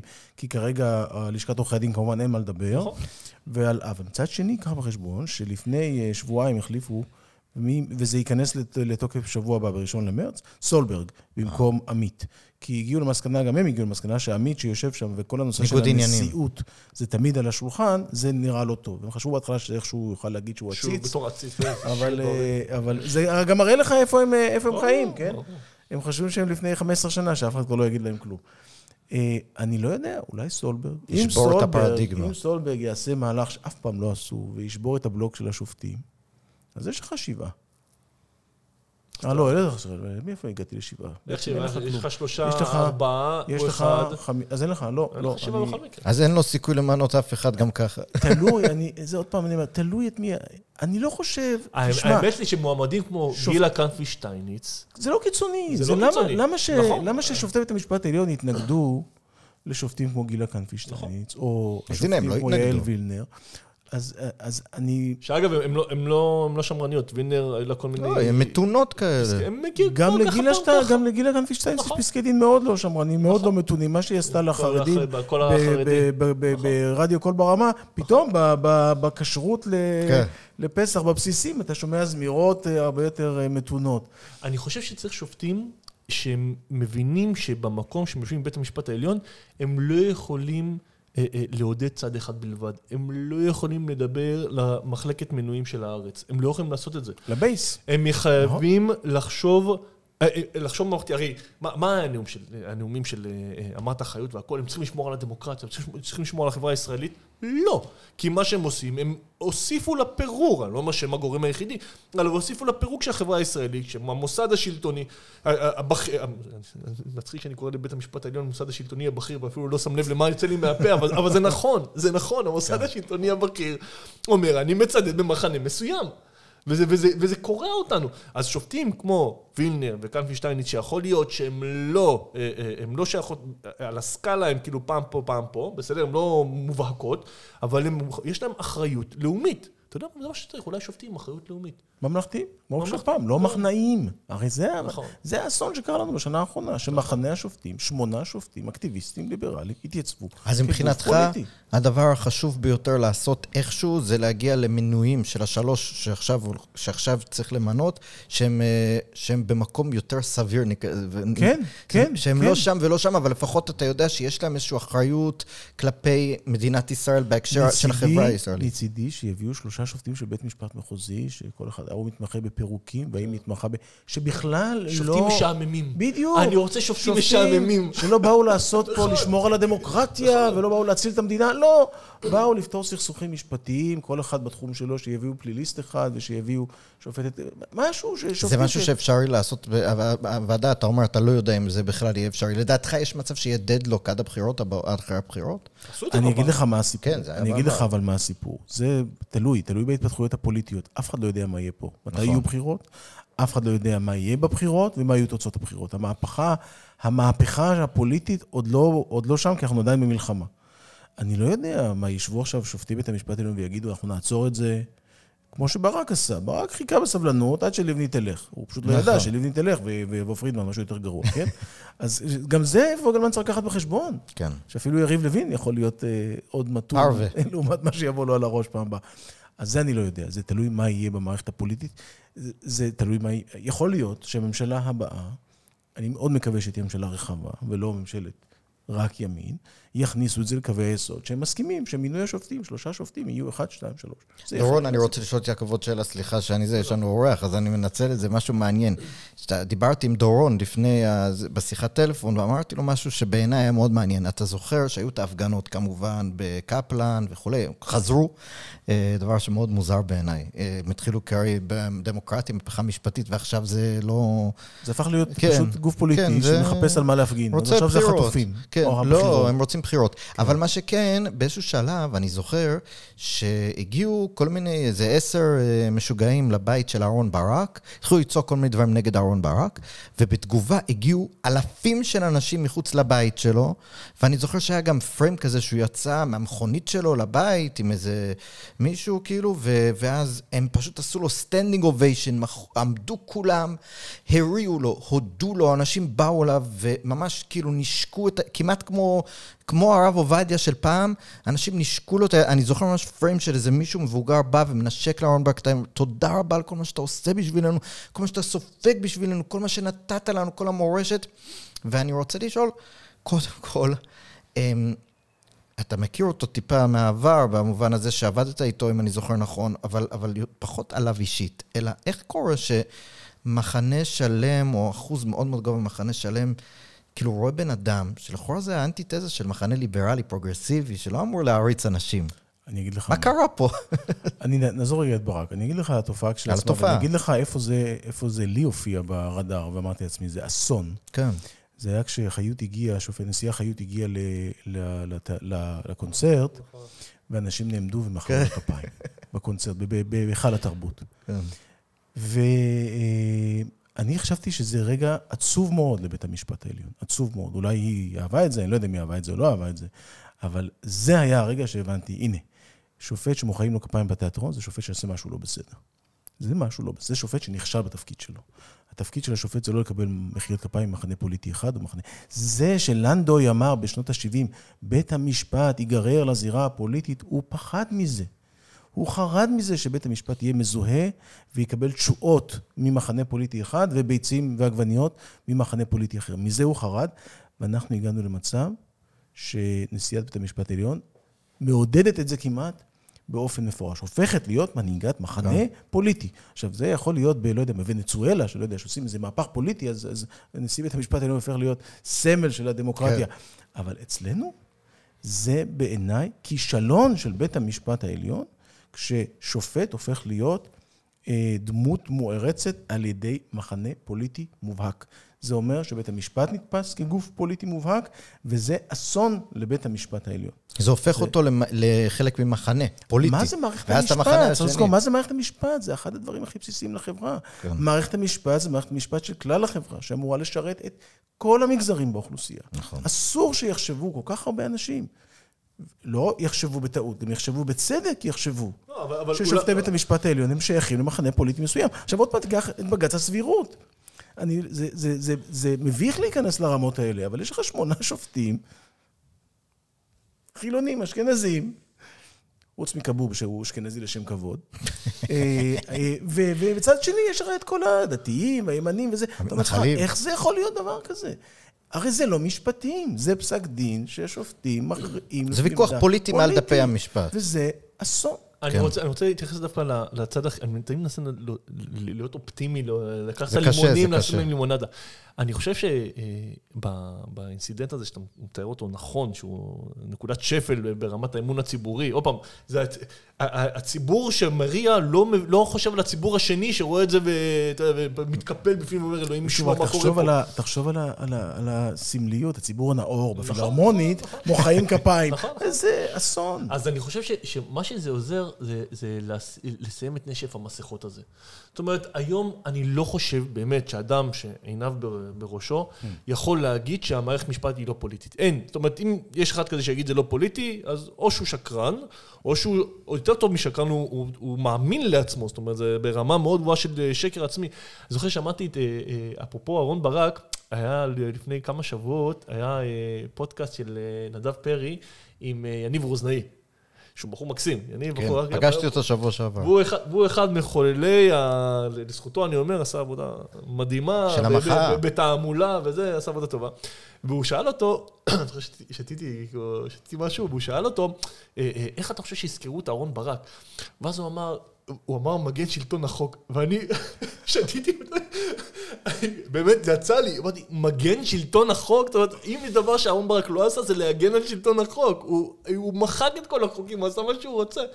וזה חלק, אז זאת אומרת שזה זה, זה אנשים שבאמת גרמו לעצמם להאמין ש, אה, ש, ש, אה, ששחור זה לבן, עבדות זה חירות, בורות זה... זה אז זה, זה דורון, זה משהו שצריך להשתמש בו, ואנחנו רואים את זה מול העיניים. זאת אומרת, הרי המחנה המתנגד לרפורמה מנסה להחזיק את המקל משני קצותיו. נכון. כן? הוא מנסה להגיד, אסור לעשות פוליטיזציה של הוועדה לבחירת שופטים.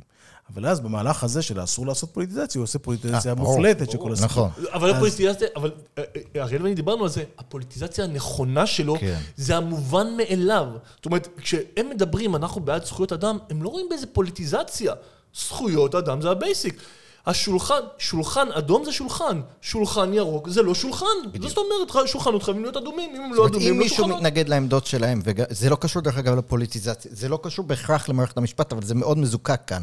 אם מישהו בעמדות שלהם, זה העמדות הנכונות, ולכן זה הדמוקרטיה. אבל לכן היום, כבר היום אנחנו יכולים להגיד, המסכה הזאת הוסרה. כן, כן, כן, אבל מבחינתם היא לא. חיות, אבל בסדר, גם הם יצטרכו להגיד, עובדה שלשופטת חיות מוחאים כפיים בהיכל אה. התרבות, ולא ב... באצטדיון כדורגל, בלי להיכנס כרגע לסטריאוטיפים. כי הם הנאורים, אתה... לא, כי הם הצודקים. אז אם אתה תשים את זה ככה, ועובדה שבג"ץ הסבירות ניתן 8-7 בקווים כאלה, נכון. בקווים כאלה מוחלטים. נכון. עכשיו תבואו לספר לנו שהמינויים הם צריכים להיות מקצועיים. אז זה הדבר החיובי, זאת אומרת שאני כן רואה עוד פעם, ממה שאני שם לב, כי אני לא עושה סקרים, אבל נראה לי שאם יעשו סקר עכשיו, האם בית המשפט הוא פוליטי, יהיה לך רוב שכן, השאלה אם יהיה רוב של 60 אחוז או 80 אחוז. אי אפשר להתעלם מכך שבית משפט פוליטי. עכשיו, וברגע שזה על השולחן, ופה אני כבר באמת הולך כבר ללקח הבא, ברגע שזה על השולחן, וברגע שההנהגה אה, שלנו תצליח לדבר אחד עם השני, ולא להתחלק לשני, לשני מחנות אה, אה, נפרדים לחלוטין, אז יגידו, אוקיי, אנחנו יודעים שפוליט, שפוליטיזציה של מערכת הזאת זה לא טוב, זה פוגע בבית המשפט, בואו נתחיל לתקן את זה. ואז ידברו על איך מתקנים את זה, והלוואי... או איך מאזנים את זה מבחינת שתי מחר, כמו שאמרת, שופטים שהם... ואני חושב שמה שיעקב אמר, עוד פעם, שהמפתח זה הוועדה לבחירת שופטים, זה המפתח, והמפתח זה למנות שופטים משעממים עם אחריות לאומית. כן, ולטווח הארוך, אנחנו חייבים להעיף משם את נציגי הלשכה. לא, אוף, זה... אני חושב שזה באמת בכייה לדורות. ומי תשים במקום, היה רעיונות... נציגי ציבור. מי זה נציגי ציבור? מי ממנה אותם? או... אקדמיה, אבל גם זה כן, בעייתי. או אפילו אנשים, אפילו, אפילו, תלוי באיזה תחום, אפילו שופטים בדימוס, אני מוכן, זה לא... למה לא אחד אופוזיציה, אחד קואליציה? בואו נשים את ה... או עוד פוליטיקאים, כן, מה שזה לא יהיה, אבל זה עכשיו, מה שרואים עכשיו, מה שקורה בלשכת עורכי הדין, זה עוד פעם, זה, זה הבדיחה נחשפת, כן? כן. זה לא גוף מקצועי, זה גוף פוליטי. נכון. והם מזדהים באופן חד משמעי עם מתנגדי הרפורמה, ועל זה הם רצו. הוא היה אצלי, ראש הלשכה, בפודקאסט שלי. כן. אז, ו- אבל וזה כן. סיפרו לך שהם מייצגים אינטרסים מקצועיים של לשכה, אבל עכשיו אנחנו רואים שזה עוד לא, הוא לא סיפר לי, הוא לא סיפר לי זה עוד לא, הוא גם. הוא שומר על שלטון החוק. כן, בדיוק. זה לא על האינטרס של הלשכה המקצועי, זה על האינטרס של כלל ישראל, שהדמוקרטיה וכולי כן, וכולי. כן, אה, אני רוצה רק גם להגיד שאמרתם, אני חושב עוד דבר שכן אה, בינוי, ואולי לא תסכימו אותי, זה. הדרך. זאת אומרת, אתה דיברת על האנשים, החומר האנושי, שאמרו דברים שמאוד אה, הלהיטו את הציבור השני. עוד דבר, אני חושב שנזרקו יותר מדי כדורים באוויר בו זמנית. זאת אומרת, אם נגיד הוועדה לבחירת שופטים זה מה שחשוב, ואמרתם כאן שזה מה שחשוב, היה צריך להגיד רק את זה כרגע. זאת אומרת, הוא בא... באותו נאום הראשון, יריב לוין, זרק ארבע רפורמות ועוד הדליף, לא יודע אם הוא, אבל אנשים סביבו כנראה הדליפו שיש חלק שתיים של הרפורמה. זו רק ההתחלה. זה רק ההתחלה. עכשיו, קודם כל זה כבר הלחיץ, כי אנשים אמרו, מה, זה, כל הדבר הקיצוני הזה, כמו שאמרת, זה, זה בעיניך עוד היה קיצוני. וזה רק ההתחלה, מי יודע מה יהיה בעתיד, מה הוא משוגע, כאילו, מה הוא יעשה לנו? אז, ואם אתם גם ככה מודים, ואתה אמרת שעל השולחן ממילא היה שהרפורמה החשובה באמת, זה הנושא לוועדה לבחירת שופטים, תעלה את הוועדה לבחירת שופטים, תגיד שאתה מוכן להגיע להסכמות, לפשרות מכאן ומכאן, זה רק נקודת פתיחה, בואו נשב, בואו נתכנס. אז קודם כל, כמו שאמרת, הרטוריקה של הכרזת מלחמה הייתה טעות.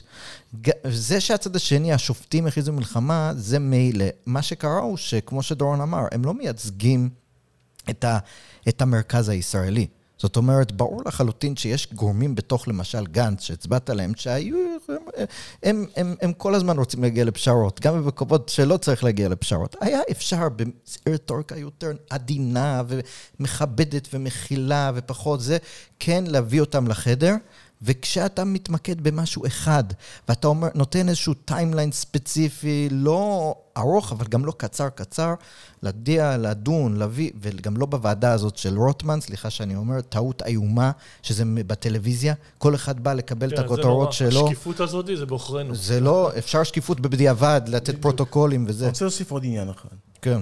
אה, אולי הוא נאיבי, אבל אה, גם צריך להסתכל על השאלה מה עושה בית המשפט העליון, חוץ מלבטל את תיקון הסבירות. האם שופטי בית המשפט העליון לוקחים בחשבון מה שהולך פה?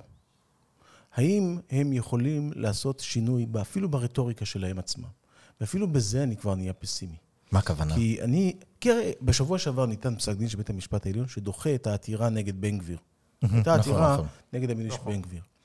וסולברג כותב דבר מאוד מעניין, הוא כתב את זה גם בבג"ץ הסבירות. סולברג כותב, מכיוון שהייתה לנו ביקורת על הסבירות וכולי, מכיוון שאני חושב, ועכשיו ביטלנו את תיקון הסבירות, אבל אני חושב שיש משהו בזה שביקורת שיפוטית על מינויים בממשלה זה הגזמה של עילת הסבירות. בואו נגיד שמיוזמתנו אנחנו מבטלים את זה. אין יותר ביקורת שיפוטית על מינויים לבית המשפט, לממשלה, והעתירה נדחית. הוא לא נכנס לשאלה אם המינוי סביר או לא. עכשיו, אפשר להתווכח או לא, מה שהוא מציע בעצם זה לבטל את הלכת דרעי mm. אפשר להתווכח אם זה טוב או לא, אבל תראה את האטיטיוד. סולברג אומר, קורה פה משהו, חבר'ה, קורה משהו במדינה. בסדר, אז הם עשו תיקון לא טוב, אנחנו בדעת רוב ביטלנו, אבל זה לא אומר שאנחנו עכשיו יושבים פה מנותקים, כאילו לא קרה כלום, וממשיכים בדרך. בואו ניתן ביטוי לזה שמה שאנחנו עושים שנוי במחלוקת, במקומות שאנחנו יכולים, בואו ניתן להם. לא, עמית לא מוכן, הוא אומר לא, הסבירות ממשיכה גם על מינויים בממשלה. אני מוכן להגיד שהמינוי הזה הוא לא בלתי סביר באופן קיצוני, אחרי שהוא גם נותן כל מיני ציונים לשר בן גביר על ההתבטאויות שלו. אני אומר לעצמי, אפילו זה, עכשיו, עמית אולי לא, אבל אולי אנחנו נראה שופטים בבית המשפט העליון, שבלי שום לחץ נוסף מצד המחוקק, יבינו שהם כרגע בעין הסערה, ו-business is not as usual, ויעשו מהלכים או ברטוריקה או בשינוי של ההלכות בפסיקה. אז זה לא יהיה עמית, וזה לא יהיה פוגלמן, וזה לא יהיה גרוסקופ. אבל אולי, אולי גם החדשים, ש... אולי, זה... כן, כן, אולי. אז אני אומר, גם, אתה צריך לזכור, כל האקטיביזם השיפוטי, זה היה אה, חידושים של בית המשפט. עכשיו, זה לא חייב להיות one way road כזה, שאנחנו רק הולכים, אף פעם לא הולכים אחורה. הנה, תסתכלו על בית המשפט העליון של ארה"ב, הלכו אחורה ביג טיים. נכון. ועוד ילכו, הם רק התחילו. שם, והם... רק, שם באמת זה רק ההתחלה. נכון. מה שקורה. אז אני מקווה, עוד פעם, איזה רגש של ממלכתיות, איזה רגש של, אנחנו קשורים לציבור הזה. אנחנו לא במלחמה איתו, עם הציבור הימני, עם הציבור שרוצה לצמצם בסמכויות שלנו. אנחנו לא צריכים לריב איתו. אנחנו צריכים להקשיב מה הוא רוצה ולתת לו אולי איפה, איפשהו אפשר. אתה יודע מה, אה, הערה על ארה"ב בהקשר הישראלי אולי. הרי אה, דיברנו על ה... אה, יש, דיברנו אצלי, אבל אני חושב שזה חשוב כאילו בהקשר של ללמוד מישראל, לישראל. היה, קולורדו ביטלה את זה שטראמפ יכול להתמודד במדינה. וטראמפ... תכף, תכף זה יבוטל בעליון. בדיוק, לא, על, כן. בדיוק על זה. שבעצם, וזו מדינה שגם ככה הולכת להצביע נגד טראמפ. זאת אומרת, זה היה סתם אצבע בעין, אבל לא נתנו לו את הזכות להיבחר. לעמוד לבחירה. ובעתירה לבית המש... לעליון נגד זה, בעצם אתה ראית שופטים שמינה אותה, למשל שופטת שמינה אותה ביידן, שהיא רדיקלית בכל קנה מידה, זאת אומרת, מינו אותה רק כאיש שחורה דרך אגב, ו- ו- ברור, ו- ברור. והאמירות שלה בשימוע היו מאוד קיצוניות בהקשר המשפטי, וגם היא מבחינה פוליטית הרי נמצאת בשמאל נגיד, אבל היא שואלת שאלות קשות, והיא שואלת שם, ו- ודי בטוח, אני נוטה להאמין שהיא גם תצביע, שהיא תחליט. לבטל את ההחלטה של קולורדו. אני לגמרי מסכים איתך ופה אין את זה. נכון, ההחלטה בקולורדו לא תהיה מחנאית. בדיוק. או קייגן, או ג'קסון, או אפילו, אולי זה יהיה... יכול להיות שכולם. אפילו. זה מה שאנחנו צריכים פה. אין את זה בארץ. אנחנו צריכים פה את זה. אין את זה בארץ ששופט יגיד אה, באופן, מו- זאת אומרת, היא לא שאלה עכשיו, היא לא אמרה, יכול להיות שהמינוי שלו לא ראוי וזה, אבל בכל זאת, לא, זה, דיברו על נו- נושא המהות, על מה שהייתה החלטה. ופה בארץ אתה אומר, זה בן גביר, הוא, הוא לא בסדר, יש לו אמירות בעייתיות, אבל המינוי לא קיצוני באופן אה, זה. סליחה? תחליטו אם המינוי. בסדר אני או אני לא. רוצה להגיד לך משהו. זה זה לא סתם, כי בפרפרזה המשפט המפורסם, כל השופטים האקטיביזם דומים זה לזה. אוקיי, ושופטים שמרנים, כל אחד שמרני בדרכו שלו. זאת אומרת, אתה- השופטים האקטיביסטים תמיד יהיו באותו מקום, איכשהו זה יוצא ככה, ותמיד מדי פעם, ש- לפחות בישראל, והשמרנים קצת יותר אומרים, אוקיי, אולי ככה, אולי ככה. ואני מקווה שהרוח הזו, שרוח- ש- שיעקב מדבר עליה, באמת, הרוח הזאת אמן. ת, ת, תהיה קצת, תשרה קצת על, ה- על המחנה האקטיביסטי, שיבינו, חבר'ה, זה מעבר ל- לאג'נדה שלכם, תחשבו, כמו שאתה אמרת נכון, לצד השני. ובשביל זה צריך להשתחרר ממה שהתחלנו איתו, עם הפחד. כן. נכון. אתם לא במלחמה עם הציבור הימני. ועם הציבור הימני לא במלחמה איתכם. אין פה משהו שאתם צריכים להמשיך להילחם עליו. תקשיבו מה מבקשים מכם, מה שאתם חושבים שאפשר לתת, תיתנו. אז אם לסכם, אני אגיד שאנחנו הגענו לכמה מסקנות על מה שאולי אפשר ללמוד לאבא. אז קודם כל אמרנו שהפוליטיקאים ומחנה שרוצה ליזום רפורמה, צריך קודם כל, אה, בעינינו, כן, אני, אני חושב שהייתה הסכמה, לדבר בצורה יותר מכילה, בצורה יותר אה, שמסבירה לצד רק השני. לבייס, לא בדיוק, רק לבייס. שמסבירה לצד השני למה הוא לא צריך לפחד בצורה שהורסים לה... עוד שנייה הורסים לו את החיים ו- וכולי, ובאמת, אולי גם להבין את הפחדים של הצד השני ולא לה, לא לה, לתקוע להם אה, זה וכל מיני מקומות יותר רגישים, ו- וגם האם אפשר ליצור קואליציה יותר רחבה. שוב, בין- אני אפריע לך, רק ש- שים- תזכרו את זה, אני מצטער שאני נמצא כן. בפוזיציה הימנית, אבל זה היה דו-הדדי. נכון, נכון, מה לא. זה מצעד אני השפחות הזה? מה זה. מצעד השפחות? תן להם את זה, בפעם הבאה לא ייתנו לו לצאת מהבית. נכון. לא, אז בדיוק, אני רוצה להגיד שגם הצד השני, כש... לא, אני לא מדבר על הצד השני הקיצוני שלא רוצה להגיע לפשרות, אבל הצד המ- המיינסטרים צריך, אני חושב, אם אנחנו כחברה רוצים אה, למשהו כאן בריא, אז אנשים שיוצאים להפגין וכולי, אז תשימו לב גם עם מי אתם מפגינים, שימו לב מה המסרים בהפגנות שלכם. שימו לב, האם אתם מזדהים עם זה, כאילו, אתה יודע, אני עברתי, מאוד, מאוד היה לי אה, נעים לראות את ההפגנות עם דגלי ישראל. מצד אחד, זה היה מאוד מאוד יפה, ומצד שני, כשאתה רואה מסרים לפעמים על דיקטטור ועל uh, סוף הדמוקרטיה ועל זה, אז שימו לב, אני חושב שכן, אפשר להפגין. היו הפגנות של uh, יועז הנדל וזה, כל האלה נגד זה. uh, יכול להיות שכדאי להפגין שם, להגיע להסכמות, אנחנו רוצים להגיע להסכמות, זה, זה מסר מאחד. להגיד, האלה רוצים להרוג אותנו וצריך להעיף אותם לכל הרוחות. ו, ו, ו, ו, מאוד לקח חשוב, כן. להוציא את הקובץ, את הפולדר עם הרשימת שופטים משעממים, ולהתחיל לעבוד כן. לא, אז זה המסר הבא, זה שקודם כל שאנחנו ממנים שופטים, זה, המטרה צריכה להיות למנות שופטים שהם, אה, קראתם להם משעממים, אבל הם יותר בקונצנזוס. זאת אומרת, הם לא באים להתריס, לא לכאן ולא לכאן. לא זה באים להציל את הדמוקרטיה, כן, הכל או בסדר. להרוס אותו. או להרוס. אה, הם באים כאילו לתת פסקי דין, הם באים כן. לפרש את לתת החוק. שירות לציבור. בדיוק. אה, ודבר שלישי אמרתי, ואני לא יודע אם אתם מסכימים, כי זה, אבל, אבל אני חושב שיעיל יותר מבחינת גם העיכול הציבורי, לא ללכת על אלף דברים בו זמנית, אלא להתמקד, לנסות להגיע להסכמות, לנסות להגיע למשהו מעמיק, ואולי גם, אה, אני חושב שדורון הסכים איתי, אה, לתת... קצת פחות אה, טלוויזיה לדיונים. כן. זאת אומרת, לתת לאנשים להרגיש שלא הכל מצולם, ושהם עושים שואו למצלמה, ואחרי זה הם שמים בפייסבוק את הקליפים שלהם מדברים, והכל, אה, במקום להגיע לרצון להגיע לפשרות, אתה מגיע בעצם כדי לדבר לציבור שלך בבית. אני חושב שזה יוצר, זאת אומרת, כמו שבוועדה לבחירת שופטים באיזשהו מקום אפשר להגיע לפשרות שם לפעמים, אולי לא בימינו, אבל בעבר, כי זה היה בחדר סגור, אז יש דילים וזה, והעבודה המלוכלכת היא לא נראית בחוץ. אה, גם זה אני אגיד לך. זה נו. מוזר שאתה אומר את זה, כי אני חושב על זה כבר כמה זמן, לא אמרתי ולא... אבל זה שהתחילו לצלם את הדיונים של בית המשפט, זה עוד טעות בעיניי של... אה, של בית המשפט של עצמו. בית המשפט העליון עצמו, של נשיאה חיות. ראיתי, היו דיונים טובים, אני לא אומר, אבל אה, זה הופך את ה- את בית המשפט לזירה פוליטית ברמה יותר גבוהה ממה שהיה. קודם. וזה לא במקרה שבית המשפט העליון בארצות הברית לא מסכים. עושה את זה. לא מסכים. אבל הוא עושה האודיו, אודיו. אודיו, אבל לא מצלמים. ויש הבדל. כן. זה פחות מעניין, זה פחות שואו, and that's the point. כן. That's the point. משעמם, יפה. משעמם, כן, משעמם. כן, כן, כן, כן. כן, ו- וזהו, אז, אז אני... בוא, זה, זה מתחבר עם האמירה הסינית, שיהיו לך חיים מעניינים. לא. רצו את זה חיים. לא צריך יותר. רוצים משעממים. כן. אז תודה רבה לכם, אה, חברים, שהייתם איתנו. אה, אנחנו נעשה פרק בהמשך, דורון, עם הפאנל פאנל שלנו, על ה... וננתח בלי יעקב את מה שיעקב אמר, אז אה, ת-. תאזין לפרק. הבא. אז, אה, ואתם יכולים למצוא, למצוא אותנו בספוטיפיי, אפל פודקאסט, גוגל פודקאסט, בעוד איזה מלא פלטפורמות, מה שנעלה.